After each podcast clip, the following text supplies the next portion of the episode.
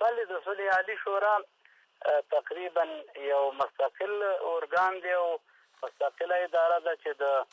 د دولت د مصالحو مخالفینو او د افغانستان د حکومت ترمنځ د منځګړیتوب مسؤلیت په غاړه لري او دی وساطت کوي دی زمینه سازي کوي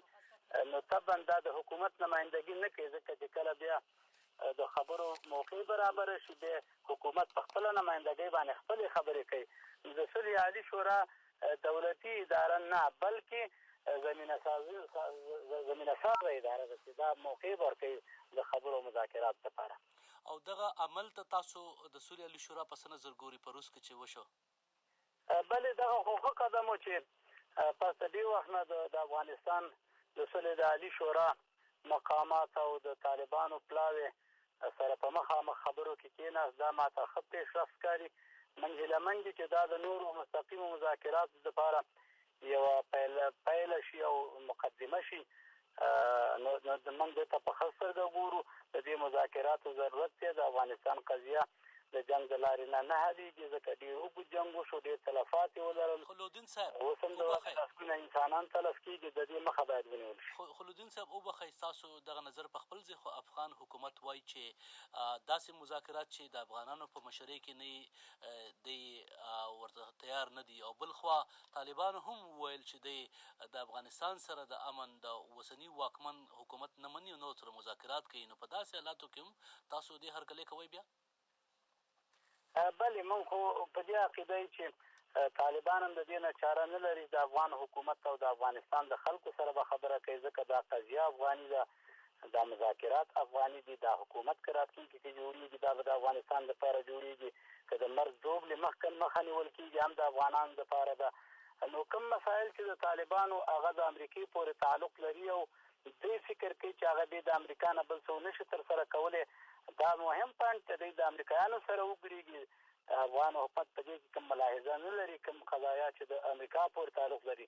اما کوم چې د افغانستان راتلونکی نظام دی د افغانستان سیستم دی د افغانستان قوانین دي په افغانستان کې حکومت او حکومتداري ده دا د افغانانو سره به په مذاکراتو کې ترسره کېږي دې کې نه د پاکستان غرض شته نه پکې د امریکې غرض شته او که څوک پکې مداخله کوي او د دې سرپرستی کول غواړي نو بیا خو طبعا دا د افغانستان په امورو کې مداخله ده نو موږ خو نه غواړو چې زمونږ قضایا دې بل څوک حل کړي موږ د هغې ورځې په انتظار یو چې د افغانستان د حکومت او د مسلحو طالبان ترمنځ د مذاکراتو په نتیجه کې جوړجاړی وشي او خارجي قوتونه دې ملک نه څومره چې زر تر زره د یوځي دا ملک د افغانانو ملک دی دلته روسان راغلي وو هغه هم څه ونه کړی شو لاړل موږ د دې ورځې انتظار کوو، دا شېبې شمارو چې دا خارجي قوتونه به کله د مصالحې په نتیجه کې وځي. محترم لودین صیب د امریکا حکومت خاص ځانګړی استازی زلمی خلیلزاد هم په کابل کې دی او امریکا هم هڅې کوي چې دغه د امن پروسه چې دا په دې کښې افغان حکومت او د هغې ګاونډي هېوادونه کومک وکړي او دا پروسه کامیابه شي نو دا یو متبادل پروسه په روس کې جوړه شوه دا به دغه د امریکایي هلو ځلو افغان حکومت هلو ځلو او زلمي خلیلزاد دغه هڅو ته کوششونو ته زیان خو ونه رسوي تاسو خو دا فکر نه کوئ. بله هدف خو په افغانستان کې روغه جوړه ده صلح ده او د جنګ بندېدل دي او په نهایت کې د خارجي قواوو د افغانستان نه وتل دي. دغه جرګې که پاکستان کې جوړېږي، که په روس کې جوړېږي، که امریکا د دې توان او اراده لري چې دا جرګې جوړې کړي، د افغانستان خلک یې استقبال کوي. زموږ ورکه چې موږ نه ورکه ده او په جدیت سره یې لټوو، هغه امن او صلح ده،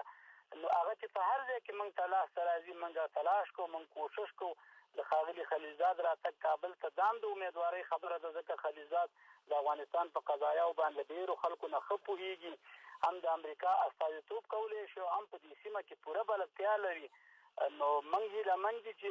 هم د مسکو غونډې، که نورې غونډې په اندونیشیا کې وشلې، که په پاکستان کې کېږي، که په مکه مکرمه کې کېږي، موږ په نهایت کې د دې امید لرو چې په سوله باندې بدلې شي او دلته امن او او ثبات راشي. په ځانګړې توګه د زلمي خلیل زاد صیب تازه هلو ځلو ته افغانان تاسو د سولې علی شورا او حکومت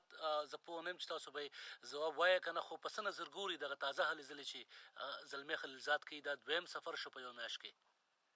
بله موږ خو د یو اوږده ناورین سره مخامخ یو د مشکلات سره موږ د خلیل زاد دغه سفر ته په ښه سترګه باندې ګورو که چېرته امریکا یقینا اراده ولري چې په افغانستان کې صلح راشي نو خلیلزاد دی او بل امریکایي په نسبت باندې خاص استازیتوب کولی شي ما مخکې ویل چې دا په سیمه کې بلدتیا لري افغانانو سره بلدتیا لري د پاکستانیانو سره بلدتیا لري دغه قضیه ورته د بیخ نه معلومه ده په ټولو ابعادو باندې ښه پوهېږي نو که د امریکا اراده په رښتیا یی او صداقت پکې موجود اوسی د خلیلزاد استخدام په ځای او معقول استخدام دی. ډیره مننه محترم مولوی عطاءالله لودین صیب چی تاسو موږ سره خبری کولی. سلامت اوسئ بونیری صاحب سلام علیکم.